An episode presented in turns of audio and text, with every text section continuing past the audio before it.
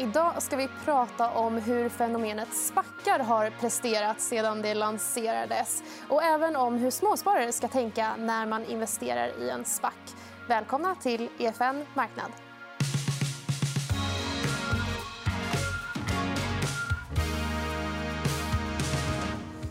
Och med mig i studion så har jag Marcus Bonsib, vd på SPAC 1 som snart börsnoteras. Den 27 december kommer det ut. Och ni har lämnat in prospektet som precis har blivit godkänt. Har ni kunnat andas ut nu? Andas ut gör vi inte riktigt, men vi är väldigt glada att det är publikt. Vi har haft ett hårt jobb nu i höst. Äntligen är vi live. Mm. Liksom. Härligt. Mm. Och för de som är nya till det här fenomenet SPAC, vad innebär egentligen en, en SPAC? Egentligen är det ganska enkelt. Eh, en SPAC är ett börsnoterat bolag som endast innehåller en kassa. Med den här kassan vill man sen förvärva ett onoterat bolag som sen blir noterat, om det nu är enkelt. Men, eh, och för bolagen är det en alternativ väg till börsen. För investerarna så är det, handlar det främst om en sak och det är värderingsskillnaden i noterad versus onoterad. Så allt annat lika om man hittar ett bra förvärv så ska ett noterat bolag värderas högre än ett onoterat bolag. Och det är det man vill åt som investerare. Så det är en automatisk avkastning där bara att plocka in ett onoterat bolag i en noterad miljö på något sätt? Exakt. Det är den avkastningsmöjligheten vi ser. Det. det är den vi vill ta tillvara på. Mm. Om man, som, man, som investerare idag, om man köper aktier i ett, en SPAC så investerar man ju egentligen i ett... Man pratar om att det är ett blank check company, ett bolag som man faktiskt inte vet vad som kommer finnas där ännu. Hur tänker du kring det här? Alla, alla spackar är unika. Det finns ett, ett, en handfull spackar som har noterats nu på Stockholmsbörsen. Alla har sin inriktning. Eh, alla investerar i sin typ av storlek eh, och i sin typ av bransch. Så där kan, redan där kan man göra en avvägning. Sen har du ju, som aktieägare du får ju tillgång, du har ju en aktie där som är likvid. så Du kan sälja dina aktier om du vill. Du kan ju också rösta nej på en bolagsstämma och då få inlösen av dina aktier. Så man har visst inflytande. Sen vet du inte vad bolagen, de här spackarna ska köpa men du har ett inflytande sen när det väl blir affär. Om man jämför med en private equity-fond så har du ju inte alls samma inflytande. Nej, just det. Och vi ska prata lite mer om den spacken som du kommer vara vd för. Men eh, jag vet att just ni kommer i alla fall ha upp till 36 månader på er att köpa det här bolaget som ni ska plocka in i spacken. Eh, hur ska investerare tänka? Att man, man, det är ändå upp till 36 månader innan man kan se den här eventuella avkastningen. Ja, men det, det har vi sett, de spackar som har introducerats nu på börsen nu i våras. Och så här, det är ganska stora spackar med bra, bra team bakom. Och så här. Men de, de har inte lyckats genomföra ett förvärv ännu. Och därför är marknaden är lite för spackar är lite avvaktande. Men jag tycker att man kan vara uthållig och vänta ut. Jag tror att det kommer att presenteras bra affärer mm. under nästkommande år. Vad är en bra affär?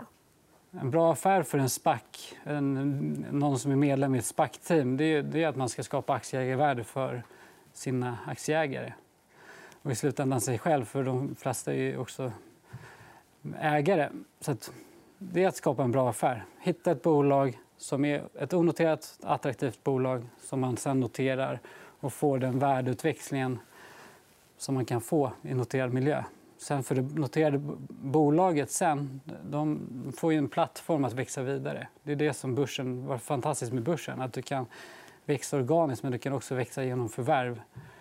Eh, och köpa bolag med, med din, egen, din egna aktie eller en blandning av kontanter eller aktier. Mm. Och det här vill man göra så snabbt som möjligt? Eller är det... alla, alla spackar har ju som mål att, att man vill göra ett förvärv så snabbt som möjligt. Och det är det vi jobbar för. Mm. Sen gäller det att vara uthållig som investerare. Man måste hitta ett bra förvärv också. Mm. Ja. man kommer inte hoppa på vad som helst. Och man får bara välja ett? eller?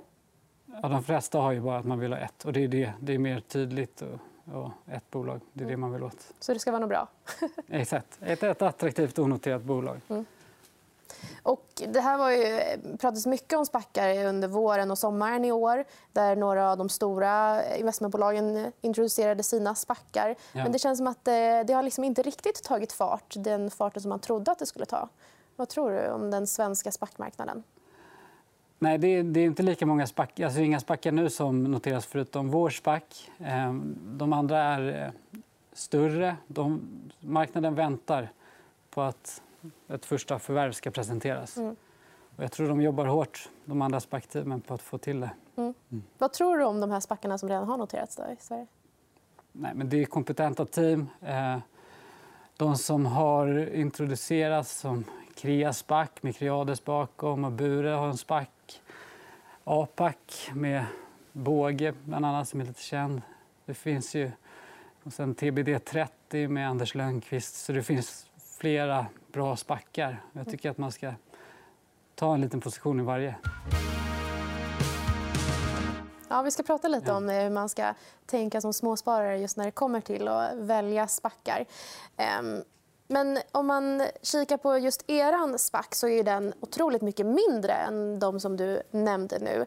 Eh, varför tror du att det är intressant för eh, investerare att se mot mycket mindre SPACar? Om man kollar på vårt team så vi är liksom investerare, folk som arbetar som rådgivare till bolag.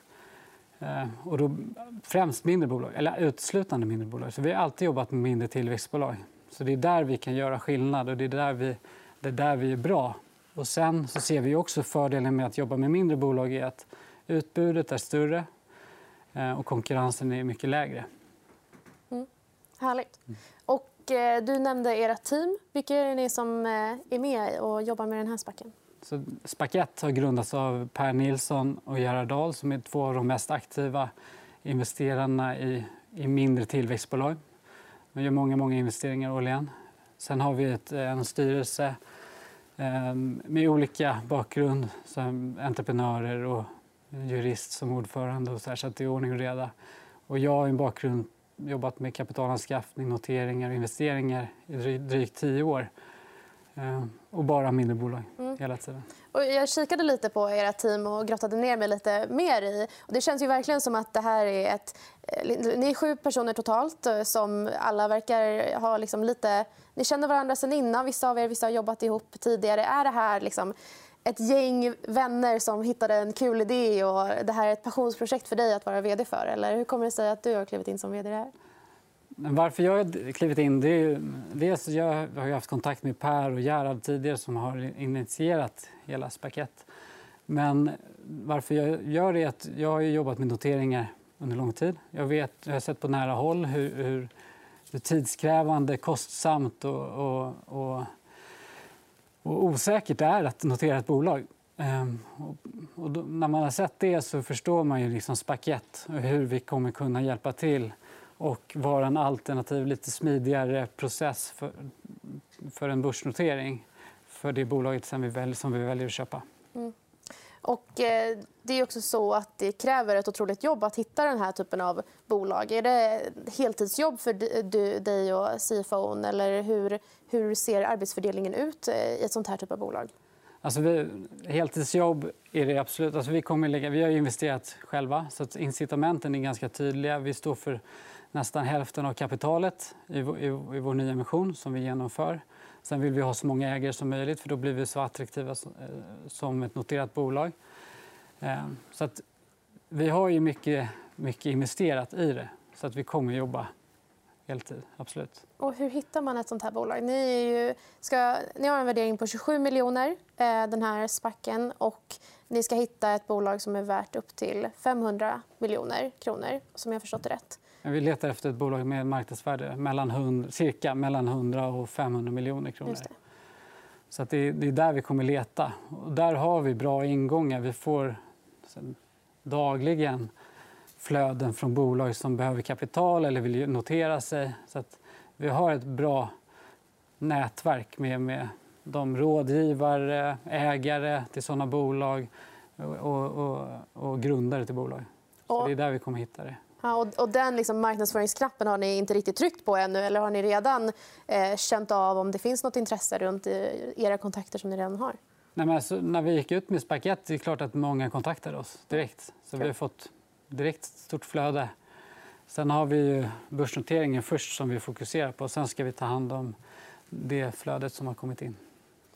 Och för de som inte har läst prospektet, skulle du kunna beskriva vilken typ av bolag det är ni faktiskt letar efter? Vi letar brett efter bolag som gynnas av digitaliseringen. Det kan vara bolag inom gaming, e-handel, eh, SaaS-bolag, alltså mjukvarubolag den typen av bolag som vi tror kan gynnas av digitaliseringen. Och har, vi vill också hitta ett bolag som kan, som kan dra nytta av att vara ett noterat bolag. Som vi kan växa med länge över tid.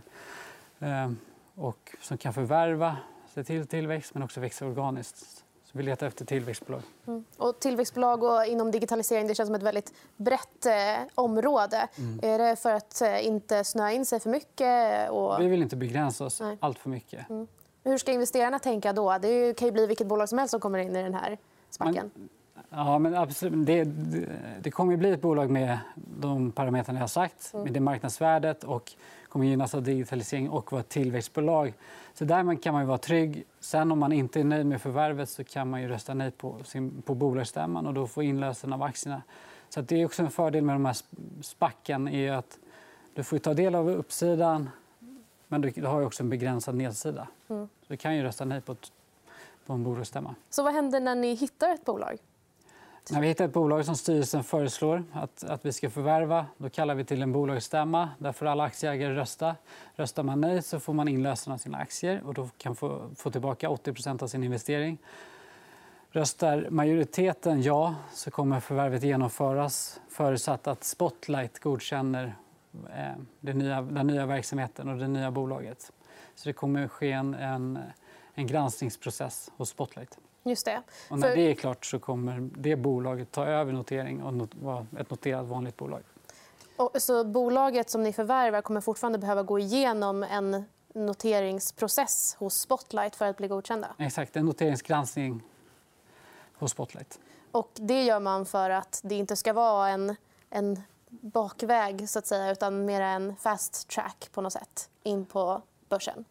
Ja, exakt. Riktig fast track vill nog inte Spotlight säga att det är. Men, men det är en noteringsgranskning som, ja. som en vanlig process. Mm. Det är bara att den sker parallellt. Eh, och efter att vi har beslutat på bolagsstämman om att genomföra förvärvet. Just det. Att...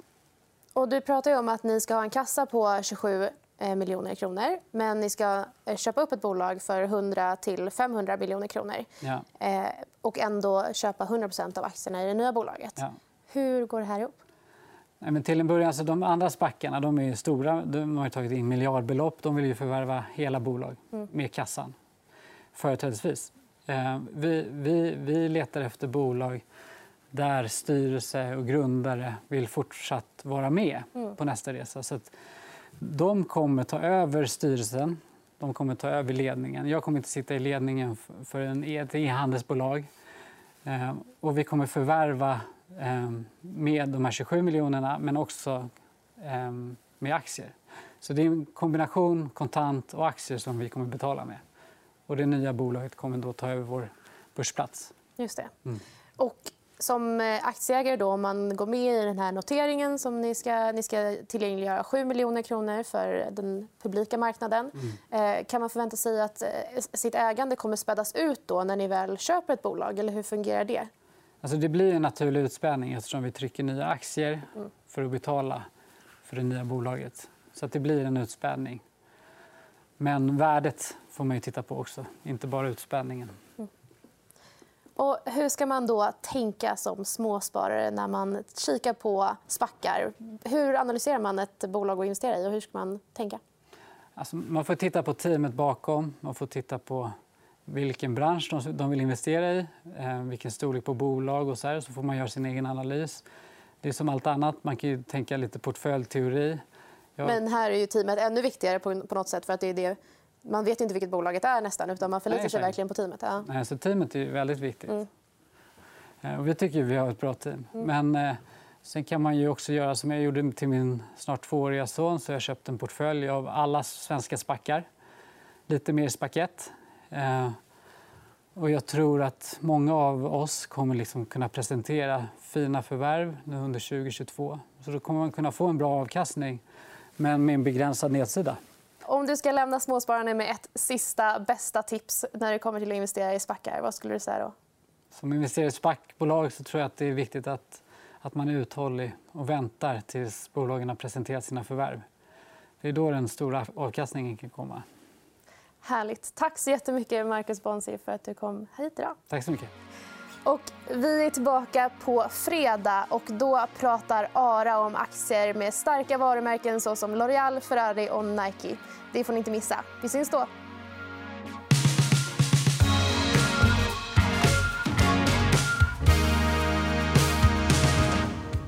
EFN Marknad är en podcast från EFN Ekonomikanalen. Ansvarig utgivare är Anna Fagerström. EFN finns även som app. Där hittar du alla våra videoinslag som hjälper dig att göra det bästa av din ekonomi. Du hittar appen i App Store och Google Play.